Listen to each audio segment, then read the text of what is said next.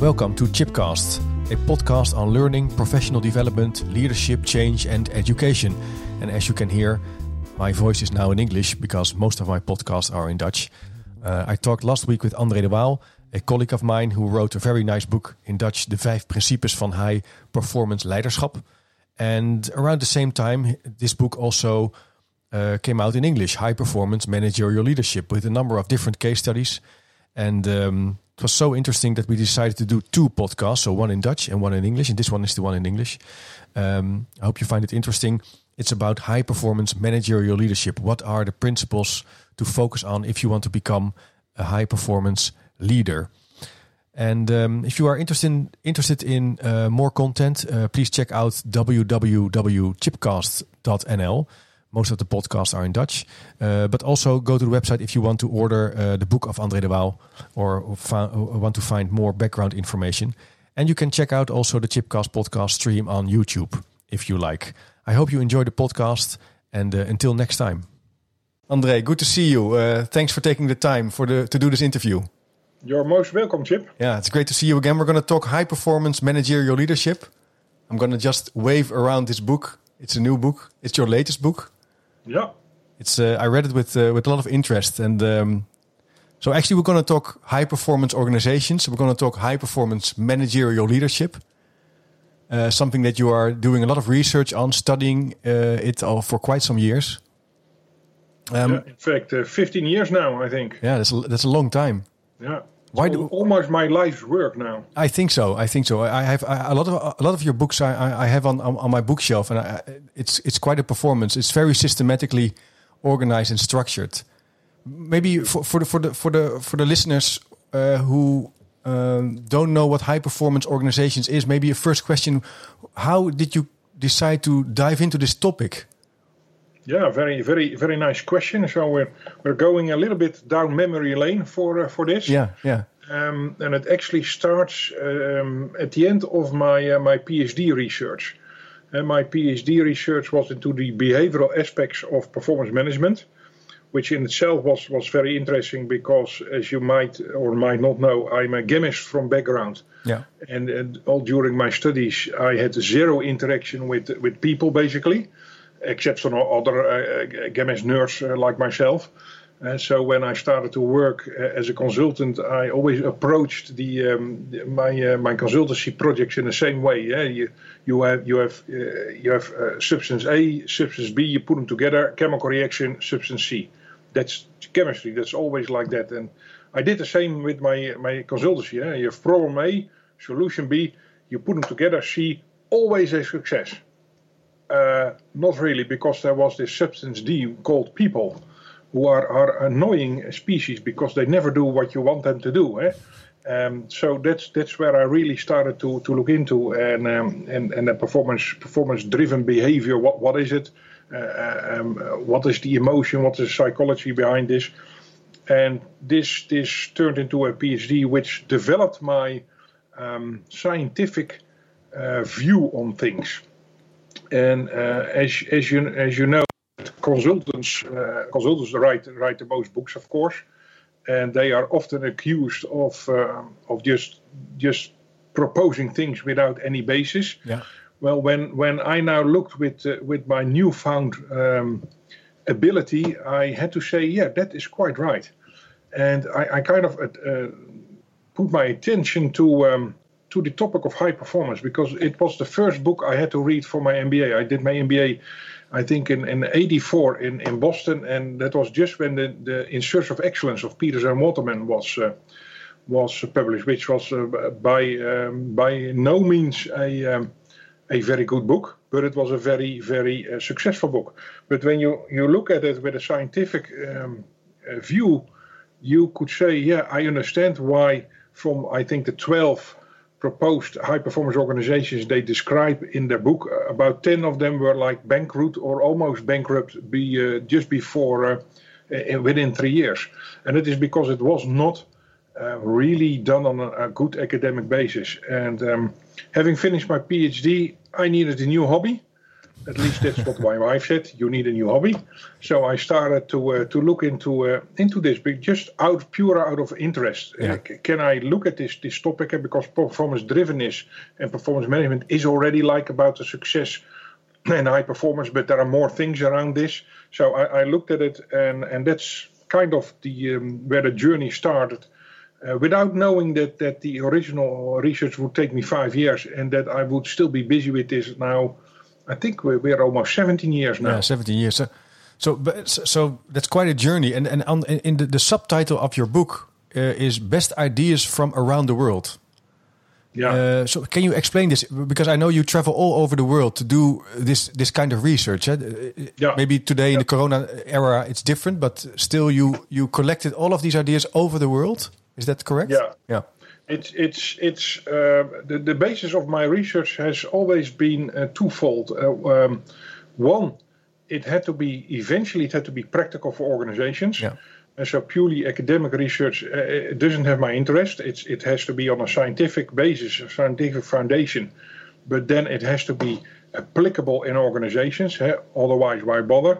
And the second uh, um, what, what I found teaching uh, in, in quite a few countries over the world, um, we're, all, we're all the same, basically. Deep down, uh, we all want safety, we want a nice job, we want a nice family, a nice house, we, we want to have nice colleagues, etc. The fundamentals of, of family life and of business life seem to be the same everywhere, which therefore means that, that what I found in my research should be applicable everywhere. However, coming back to the academic view, that's something you can postpone, can propose, but then you have to research if it's true. Yeah. So that's that's from the beginning, and, and I have to be be be honest about that. Uh, uh, sometimes you you just have to be lucky as a researcher. And my luck was at that time I was working for the Maastricht School of Management, which is an, an MBA Yeah. uh, education. And uh, we, uh, uh, the, the Maastricht School of Management, had a lot of partners in, in especially in Africa and Asia, but also in South America. So we would go over there, do our teaching, and and because you have classes there, uh, you, you could do a lot of uh, collecting of data. Yeah. And uh, and uh, through this, I also got got uh, uh, quite a few organizations where I could do pilots, where I could do do also research. Yeah. And that's how you start to collect the, the best ideas from all over the world. Well, interesting. So, so, so in the book there are a lot of case studies, and you draw on this material to to explore the idea of managerial leadership. Can you say something about the framework of high performance organizations? Because I think it's quite interesting to that we first explore that topic a little bit further, be- and then go to the the, the aspect of managerial leadership. So the the aspect of an HPO. What is an Yeah. HPO? Good, good idea, Chip. Uh, if you look at if you look at high performance organizations, first let me give you the, the definition I use. Uh, it's it's an organization which performs better financially and non-financially than than its peer group Yeah. over a prolonged period of time. And I, I proposed five years. Uh, it doesn't really matter it's four or, or seven, but uh, five years nowadays is quite long. Uh, and and you compare this company versus other companies in, in the same sector. Otherwise, it would be uh, would be apples and pears. Yeah. And um, in the research, or out of the research, came like five factors, which which are, are what I call the high performance, uh, the HPO factors. Those are the areas in your organization which have to be strengthened in order to create a real strong internal organization which can deal with, of course, the threats, uh, the threats in uh, outside, but also the opportunities which uh, which are on offer. Um, and those five factors are quality of, of management, quality of employees, openness and, uh, and action orientation, continuous improvement and renewal, and long-term orientation. Yeah. And under those five factors, you have 35 characteristics, which are the more the detailed. And, and these characteristics are, are actionable. The- eh, you, you can learn to do these things. Um, interestingly, from the 35, about 28 have to do directly or indirectly with behavior. Yeah. High performance is all about behavior, the way we deal with each other, with clients, with, uh, with, with you, even yourself, how you develop, and, and your mindset. And that's why I often say that HPO is not something extra, it's not something new, it's not even a, a technique or a trick in itself. It's a way of thinking and then a way of working. So it's something you can learn also. You can develop it. Yes. Yeah. Yes. But, but I can Uh, I imagine. yeah. First, you need to know uh, what it is and how you are Um, yeah, are you uh, are, are you very good at uh, openness, for instance, or continuous yeah. renewal, or maybe as an organization you lack the capability to to organize this? Yeah, yeah.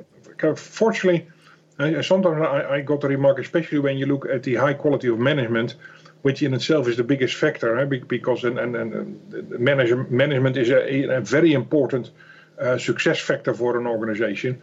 And, and there are like 12 direct characteristics, and, and if you put them all together, probably about 18 or 20. Yeah.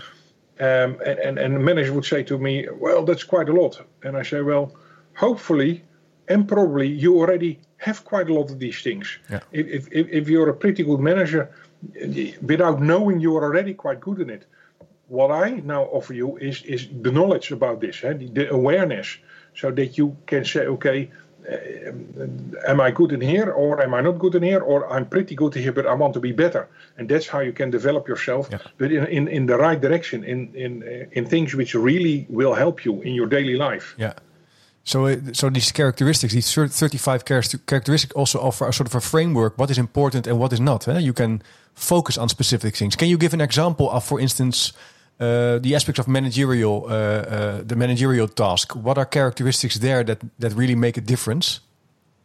If, if you look from uh, from the HPO, it's it's um, the, the most important characteristics is that the people trust you. Ah. If if people do not trust you, they will not follow you and if they don't follow you, it's going to be quite lonely and um, virtually impossible to achieve anything. Mm. Now, the interesting thing, of course, is uh, how do you improve trust? I, I, I, can point at you, Chip, and say, You are going to trust me from now. Otherwise, hmm, well, of course, you have achieved something yeah. called distrust. Uh, distrust is quite easy to achieve. Trust is not easy to achieve. But then you look at the other characteristics in um, in, in this factor, which which is like integrity. Yeah. Uh, and integrity, uh, um, I also how, how do you make integrity practical? Well, that is you say what you're going to do, and then you do it. Yeah. No excuses. Uh, and if you can't do it, then you talk to people about why you can't do it, and we'll make a new arrangement. Uh, so that's that's a very important one, and, and another one is is really uh, dialogue, of course. Uh, have have dialogue with your people, yeah. take them seriously, get their ideas, uh, give them feedback, uh, receive feedback, and also be quite um, clear with non-performers. Uh, something which is very difficult for most managers in in virtually all cultures. HPO says you deal decisively with non-performers, which doesn't mean you fire them. No uh, the, the expression I always use is every manager gets the employee he or she deserves. So if you have somebody who is a bad employee not performing, first look at yourself. Were you a good manager? Have you managed this person quite quite good? Uh, um, and if that's true, then you turn to the employee and then, then you you don't fire him again, but look for the causes. Uh, there might be something at home happening. Maybe you you promoted somebody too quickly because they yeah. they haven't done this yet. Yeah. So you give them training, you give them coaching. And if all of this doesn't work, then you might say, okay, it's better that we separate our ways. Yeah. So, but in, in, in, the, in the Netherlands, at least in the Netherlands, a lot of the time we are talking about communication. We need to communicate with each other. But I think yeah. the, the, things that you are mentioning now, the characteristics of is more about dialogue, more about interest, yeah. and trust is closely connected to dialogue. Do you see yeah. that tension also in your in your research? The difference between communication and and dialogue? Yeah, I, I, I nowadays call it informing and communication. Yeah. Uh, uh, uh, communication is, is goes a little bit further than informing, but in, in, in essence, it's it's more like um, informing is, is, is very clearly one way. Uh, I, I tell you, yeah. and, and, and that needs to be done uh, from a from a management team point of view. Yes, you need to tell people what's going on, what's the status, etc. Yeah. Uh, corona period is very clear. Tell them what's going on. Tell them what is going to happen and then you you can talk about it, which is communication. But the HPO goes one step further, and this step further is having a real dialogue. Sit down and really be interested in what is your ideas, what are your bottlenecks, what are your fears. Let's discuss this. Yeah. Uh, uh, it's not it's not a, a, a, a, tug of war, so to speak. It's no. not I want to be right and, and, therefore you're wrong. It's not a zero-based game. It's a win-win uh, exercise. Very clear, yeah. So I can imagine that these these kinds of places in organization where you have the time to to have this dialogue is quite important, also for a manager. And it's more than two times a year having half an hour the the evaluation uh, uh, dialogue. Eh? Uh, yeah. Well, well, uh, if if you can call an evaluation a dialogue, by the way. Yeah, that's that's true most of the time people are watching what did i do wrong eh? so the, it, yeah it, it, exactly so so yeah. uh, it is interesting you say this because one of the pieces of research i did uh, which is also described in the new book is is how uh, what are the most successful interventions which you can which you can do during an hpo transformation yeah and and uh, and by far the most successful the most effective is creating dialogue platforms yeah uh, they can be formal or informal but you, you create opportunities where people vertically and horizontal get together and have this dialogue. Yeah. And and um, that certainly is not twice per year. Huh?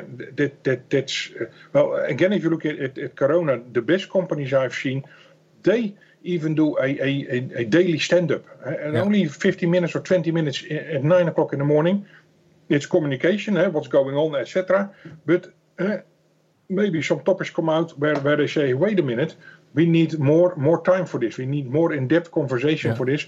Let's extend our stand-up for another quarter of an hour, or maybe even longer, to have a real dialogue. Yeah. So these these, these platforms, uh, this is not a very this is not soft. Eh? This is very hard, in the sense that it is really is closely connected to performance and to learning and to oh, change. Oh, yes. Yeah.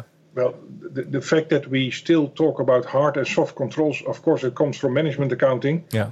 Do management accountants know? By the way, uh, um, there is no soft controls. No, yeah, this this yeah. is this is the you could say maybe objective versus non-objective, but even then, I mean, our financial objective. But let's not get too uh, uh, philosophical. No, no, no. I understand what you mean. Yeah, but it's it, yeah, it's a, di a difficult, uh, difficult uh, division. It, it, it's, it's. I mean, behavior, influencing behavior, changing behavior, changing behavior of somebody else is virtually impossible. Changing your own behavior, it's incredibly hard. Yeah. Uh, but it's also incredibly rewarding. Yeah. And th- that's what you see at HPOs. And that's why they, they, they are so much better than, than, than other companies because they have developed a culture, and culture is no more than the behavior of the collective group, which is really with a winning mindset, but in a very nice, nice way, with with uh, lots of attentions for the stakeholders, not yeah. for the shareholders, for the stakeholders. Everybody who's involved with us will will be happy that we exist. Again, I come back to the win-win situation. So stakeholders, clients, uh, partners are connected to this process, and then you create a win-win. And, yeah. and, and Andre, in, in, in Europe or maybe in the Netherlands, but I also see this in other countries, there you're beginning to see that management or managers are getting quite some criticism. Uh, on yeah. the one side is uh, one-sided focus on performance, or uh, managers who don't know anything about the, the, the primal process of a company. Um, can you reflect a little bit on why this is? You think, based on your on your research? Yeah, there's even a term term for this, Chip. Uh, manage, managing bash, management bashing. Management bashing, yes, they, yes. They, call it. Um, and, and, and, and basically, if, if you look at a lot of, of literature, managerial literature, uh, um, having managers is, is probably the worst thing you can ever do. It's the bane of every organization. They will bring you hell and, and, and damnation, and it's just terrible. Yeah. Uh, which is very interesting because if you look at the scientific literature, we see a completely different picture. 180 degrees turnaround. Really? Yeah. Uh, the number one success factor for a company is the quality of its management. Yeah. Now that's an interesting one, and and and, again in the book I describe uh, quite a few of those research studies, among some of them um, myself. Uh, and so why why why is it? Because well, my expression for this, or my explanation is, we don't need less managers. We need more excellent managers. Yeah. The problem is that we have a lot of managers who don't know what they're doing. Now you could say those are all stupid people and, and, and, and, and, and it's all their fault and so on, but it isn't. Look look at the way how we promote managers. Still in a lot of companies. It, fortunately it is changing, but we still see what I call the laboratory syndrome. Eh, if, if, if, if the head of the laboratory leaves, you need, you need a new department head. Who are you going to choose? Well, undoubtedly, you're going to use to choose the best analyst. Yeah. Because that person knows mo- most about the laboratory. So what happens then? You lose your best analyst, and you probably get a very bad manager in return. Why? This guy or girl has never studied management, doesn't know anything about management. And even worse, we put them in charge and then we say, good luck. You're such a good analyst. You'll fix it. Yeah. You'll manage. Yeah. Well, no, I, I've, I've, I've never had any training. And, and then you look at it, we have MBA schools. You can even get a PhD, a, a DBA in management. It's a profession management. And that's what we what we we still don't realize. Uh, fortunately, it is it, it is getting a little bit better. Some organ, organizations are even Yeah. thinking uh, the traditional promotion is also uh, you, you go from functional and, and really to get more money. eh? Yeah. and, and- Yeah. and more not more, power but, but a bigger reputation better reputation you have to become management Yeah. some companies are saying no there should be two you have a management track and you have a, a specialist tr- track and they're both equally important Yeah. Uh, and and um, that's that's why I think it it, it, it, it goes wrong and, and why and, and they're an easy target of course eh? and uh, um, and of course there, there, there might be some people who really don't know anything and, and just are there for the power. But the most managers I see just struggle and do their most utmost best, but they're kind of left in the cold by their organization, by just not enough attention for them. Uh, it's it's very interesting. I was I, I visited a company uh, some months ago where a very young student became uh, one of the youngest managers after the internship. And the company there was very lot of a lot of resistance because she was very young, but she was an excellent manager. She did she had a lot of managerial experience. She did in her study, and she she had no problem with with uh, uh, structuring and organizing a team of twenty five people. But you you're beginning you're you're beginning to see immediately that older people, older professionals found that very strange. A young professional uh, uh, having a, first job being a manager uh, directly isn't that strange? Should she be uh, doing some you know vlieguren in Dutch, eh? some hours in, on the profession itself before we're getting a manager? So it's quite it's it's very deep deep in our DNA to look at Yeah. in this way. Uh, yeah, And it, it is, and, and, and that's why I kind of like the, the, the trend which you see in some organizations, which is self organizing teams. Yeah, not self-steering teams because I don't believe in those because they don't have a manager. And and, and that that will sometimes work eh, like here in Holland buurtzorg. But that's a very very special company. Yeah. uh, how many buurtzorgers do you know? Uh, one. Yeah exactly. Uh, but self-organizing teams are teams which which have a manager uh, and have of course uh, um, um, let's say employees. But they are a team. And as a team they are responsible and you have one person called the manager or the team manager who has some managerial jobs which have to be done Yeah. which probably a lot of, of employees don't don't even want to do no, uh, because they want to be functional there and Yeah. so so and but the interesting thing is that you then say it's not the manager who's responsible for the results it's the team who's responsible for the results and the manager is charged with creating the conditions that those employees that, or the team members i should say could really function on the highest level possible That's that's that's interesting. And Andre, um, you, you you write about managerial leadership. So so let's talk a little bit about that. Do you think? Obviously, I think you mean that managerial management and leadership is closely connected. Uh, but sometimes you also see a difference between these two two aspects. We we say, well, this is leadership and this is management. Inspiration is leadership, and uh, doing uh, doing the planning is management. Can you share a little bit about these two words and how you look at them? Well, the, the interesting thing, Chip, is uh, you talk about difference. Difference in what? Is it difference in persons or is it difference in roles? Yeah. Now, um, ever, I think somewhere in the in the 90s, um, there was this consultant who had a, a bright idea, and he, he published an article in the Harvard Business Review, um, and and he said uh, leaders and managers are two different persons.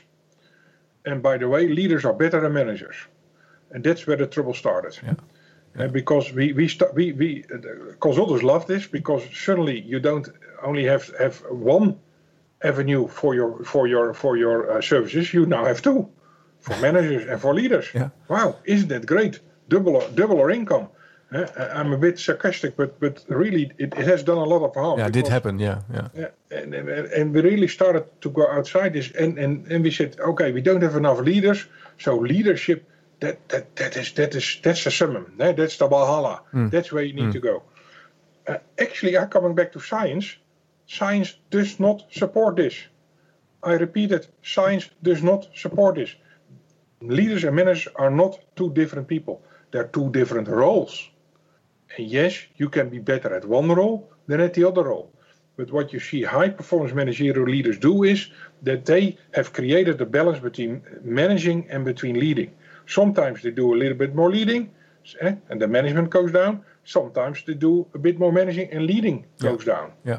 Can you give an example of, of leading, of, of, of an HPO leadership uh, activity or behavior? I, I, I can I can give I can give you uh, a good example. But let me let me first go back the fact that, that these are connected and, yeah, that, that, yeah. and I call okay, them principles. Yeah. And and how, how did I discover these? And not only literature already was talk about it, but I went back uh, 15 years, 15 years of my research in HPO, and uh, I've a lot of, as you know, a lot of scientific articles also describing transformations, describing what is happening there, longitudinal yeah. research over years. And I found that I, I wrote a lot about managers, who, who, how they performed during those transformations. And it, it caught my eye that they indeed do this. They, they are they, they have they play two roles, but sometimes this, sometimes this, and that they're always connected. And, and let, let me give you one, and, and those connections I call, call principle. Principle one is the, the principle of, of future orientation, which is leadership behavior, and steadfast and disciplined, which yeah. is managerial behavior. And let me give give the explanation for this. Uh, future oriented is leadership behavior because this is where you paint the picture of where you want to go. Uh, they, they call it often the dot on the horizon. Yeah. Uh, I often say if, if you want to make an HPO, please describe it. How will your company look in five years? Can you get your people excited about this? Eh? And that they want to follow you in your in your view. Oh man, that, that that's excellent. That's leadership. But then you have to turn to managerial because now you have this this this uh, view there. How are you going to get there? Yeah. It, it does, you don't want it to be a fata morgana. No. Eh? So you you need to to make steps, eh? uh, um, uh, phases, whatever you want to call it, and you have to be very disciplined and steadfast to get there. Because five years in time, well, who thought about Corona? My goodness, suddenly everything changes and you have to you have to make sure that your your company keeps on track, but then then that we don't go off the path and that we still go there. Yeah. yeah? So future orientation is excellent to get your people motivated. Steadfast and discipline is making sure that we actually achieve it. Yeah. Now, in, in, in, in the Corona period, it's quite nice. There we saw a turnaround. We saw a lot of managerial behavior, steadfast and discipline. First, save the company. Make sure that it stays in business, make sure that our clients are still being serviced. And that took probably three, four months. And somewhere in the summer, you saw uh, management teams start to think, okay, what does this mean for the future of our company? Yeah. Uh, we are learning also new things, eh, like working at home. Turns out to be pretty effective. Productivity is going up. Let's paint a new picture of where we go. Suddenly, eh, managerial, and now we go to leadership. Yeah and and that's that's how these how these work. And uh, if, if, I may look at the other four uh, principles. Yeah, yeah, please do. Yeah. And the, the, the, the next principle is is in, uh, we talked about it already. Informing communication and dialogue. Yeah. People need to know what what is going on, where are we going, what's the status. You need to know what is going on with with the people. You need to get their ideas, etc. But then you're going to make a fast decision making and an action taking. at a certain moment, uh, enough talk. Eh? Now we need action because eh, talk doesn't bring our organization any further. We're informed. We are now we, we know the best. Maybe it's not ideal, but at least we know the best what we can. Now let's put it into action. Let's make the decision, and then let's not only make the decision, but then put it in action. Yeah. Third one is is improving self and others. Uh, and the interesting thing is there is quite a lot of attention um, for improving others. But I say, management, don't forget yourself.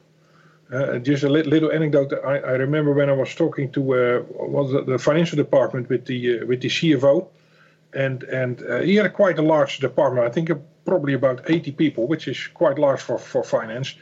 And and we did some workshops, etc. And and uh, in, in one of those workshops, I asked him. I said, "Okay, you're now part of the workshop, so you're developing yourself." When was the last time you actually went on a course or did you worked on yourself? And, and, and he said, Well, since I worked in this company, which is now six years, none, not once. I said, But who is taking care of your development? Nobody. What about the board of supervisors? Well, somebody should have said, Yeah, yeah, wait a minute. Yeah. I said, Improve yourself also. Uh, otherwise, your people will grow, but you need to grow too. Yeah. So that that's the leadership part. But then make yeah, look at the managerial part as high performing in daily life. This is it's great that you learned a lot of things, but if you don't put them in practice, it was a waste of time and money. Yeah. So, so we so want to see those things you learned really in daily life. Yeah, transfer it, yeah. transfer it to the workplace and make sure it's connected to the performance or the outcome to your client. Exactly. Yeah, yeah. exactly, exactly. Uh, um, fourth one is externally focused coupled with internally focused. Externally, uh, you, you, you need to scan the environment. You need to know what's going on, the mega trends, disruptors in around you, what, what is happening in, the, in, in your company. And then you need to be able to translate this into internally. What does it mean for your organization? Uh, talk again with your people. There you, you see the connection also between the principles. Uh, have, have a communication dialogue with your people about this but also the other way around. You need to know what's going internally, what's going on in your company. Otherwise, how can you know how, how, if you're able to take oppor- uh, the opportunities to, to yeah, take you cannot match it. Those. But I think this is a very relevant uh, topic. Uh, we talked about it earlier. You see it also in school systems. Um, when when a manager is constantly in meetings from nine to five, and that goes goes through until Friday, and he has no time to uh, visit other schools or visit other uh, uh, corporations or networks or talk to or visit uh, classrooms, for instance, yeah. to look at what is happening. You cannot initiate change uh, because you are beginning to believe that the change is happening in the meetings. But yeah, well, some of the things do, but most of the time it isn't and, and again, I think a, a, nice example as an anecdote. I, I was once in the, invited at one of the academic hospitals here in, in the Netherlands, ah, yeah. uh, and and to have a uh, a presentation on on high performance organizations for the for the management team of about ten people, I think. And at a certain moment was was very nice. Uh, the, we, we also talked about development, the development of, of people, but also about their development. So I asked him, okay, when when are you guys uh, uh, working on your own development? And I remember the, uh, the, uh, the, the director general looking at me and said, "Why do you think you're here, Andre?" Which was a great remark. yeah. He said, "Actually, we're, we're we're doing two things. One, you're developing us now with your, your information. But two, in our discussion, you told you, you tell us a lot about what you see at other companies yeah. externally. Yeah. We know that we don't have so much time, but this is one of the way every quarter, and we should do more often. I know, he said, but every quarter at least we invite somebody like you in. What, what, what, what a great idea, isn't yeah. it? Yeah, you can organize this. Uh, this yeah. It's something you can do, but but that's also interesting when you talk about high performance managerial leadership or HPO. Uh, the, the, the scan and the research give you sort of a mirror. Huh? How are you doing? How are you performing? How are you learning? How are, how is your openness? How is your long term uh, focus? But if you want to then go from A to B, or you want to initiate change, how can you use this framework then? Well, the, the, the framework is, is first of all for awareness. Yeah. You need to know where you are now. If you don't need to know where you're now, then you don't know what you need to get where you want to go. No. Eh? Like you said yourself, sometimes you're, you're better in other in, in, in these things and, and not so good in these things.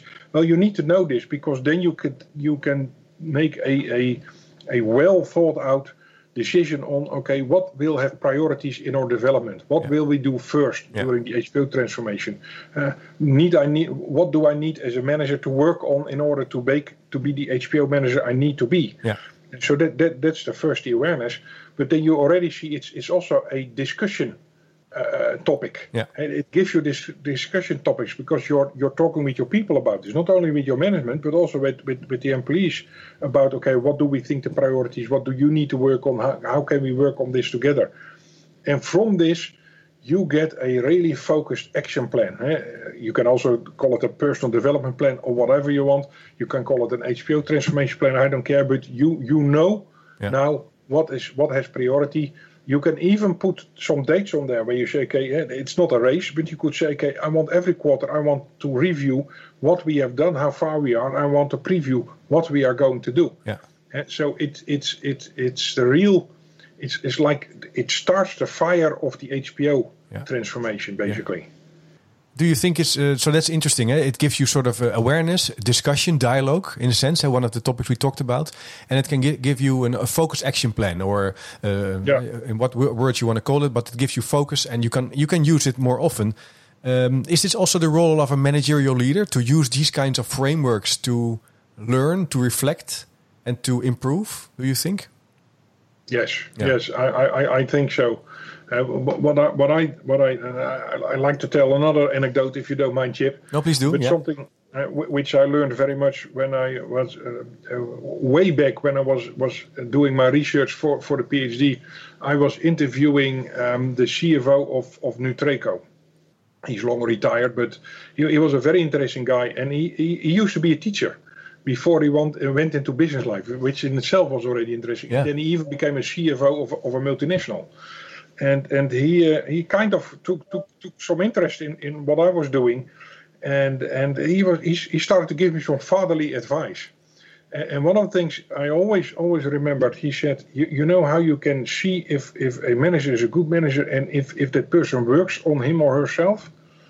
I, well, please tell me. He said, well, you you visit that person in, in his office and you look around to see if there is a bookcase and if there is a book, if there is not a bookcase, you already you know you have your answer.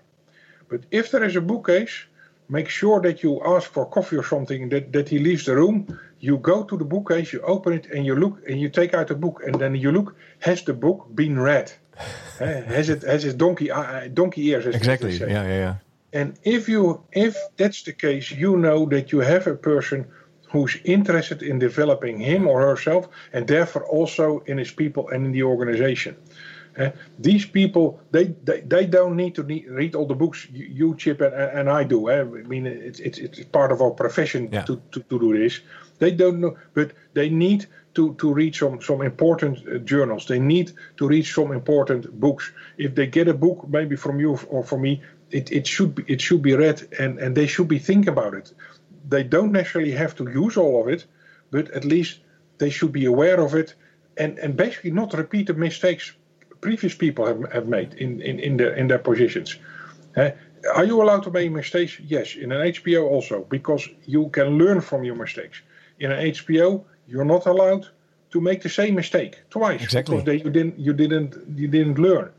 Uh, but, but how how how can you make mistakes if you try something new? How do you know it's new? If you have looked at books. Uh, that's a very, a very important, a very important point, Andre. This is something that I learned from you when I uh, when I was in university. Uh, I think it's almost ten years ago. Because when I studied business administration, I thought always you shouldn't make mistakes. Mistakes are bad. And then you uh, were a guest lecturer, and you said, "Well, of course, people make mistakes. You need to learn from mistakes. Don't make the same mistake twice. That's important for an yeah. HPO." It was really an eye opener, also for me, yeah. because uh, learning from mistakes is a part of is a learning process. And learning needs experimentation, needs reflection, and needs yeah. experience. Eh? And it can go and, and, the right way or the wrong way. And and again, mistakes give you a great opportunity for dialogue. Yeah. And and, and again, I, I, most of things I, I do learn also from from practice. And and again, uh, what what I learned from this was uh, was was a great guy. He said, you, you know, Andre, uh, this learning from mistake business is very important but it's also very difficult. And, and, and, people, I mean, who wants to own up for a mistake? Yeah. You, you even if you know it's good, you don't really want to do it. And because it might be dangerous or people might be laughing, and especially when the manager, eh, the boss is in the room. So what I introduced was uh, the weekly blooper of the month. Eh? What is the stupidest thing you did in this month? Yeah. And and don't come now and oh I forgot to call this guy. No, really, really stupid. And he said, and you know how he introduced it? I myself went every month. I was the first person who said, okay, this is the stupidest thing I did this, this month. And he said, the, the first month, I was the only one. The second month, I was the only one. The third month, I was the only one.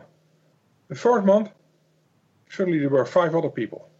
Because people were looking and said, he's honest about this. He's, yeah. he's not, he's not the real mistakes.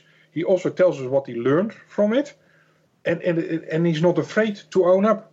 So, you know, I'm going to own up. And uh, that's a great ex- that, very interesting. Yeah. He said, when, when we did this for a year, the culture started to shift around. Exactly. Yeah. And now people look strangely at you if they know you made a mistake and you didn't tell us. So it flips. That, yeah. That, that's not done. Yeah, no, that's great. Our culture is owning up, telling us what you learned, so that we can learn and prevent that mistake. But this is a, a, a fantastic example of lead by example, eh? by doing it instead of talking about it. And this also breeds trust, eh? and this yeah. and, and, and, fuse or uh, makes uh, uh, cooperation and dialogue better. Well, Andre, it's it's it's it's fantastic to talk with you. It's a great dialogue for us. I hope the listeners like it. Um, I think this book uh, will have donkey ears, uh, at least in my bookcase. But I, I, will also imagine a, for a lot of managers, I, I, I, really love it. It's also in Dutch. I will um, post a link on the website. Uh, thanks, uh, Andre, for taking the time to uh, to talk about high performance managerial leadership. I really liked it. I will put some of the links that we talked about on the website on uh, chipcast.nl. You can check it out. Um, Andre, uh, I would say until the next book or maybe sooner. yeah, well, thank you for having me. It was a great conversation. And, and uh, have, have, a, have a great day. Thanks, you too. Eh? Bye.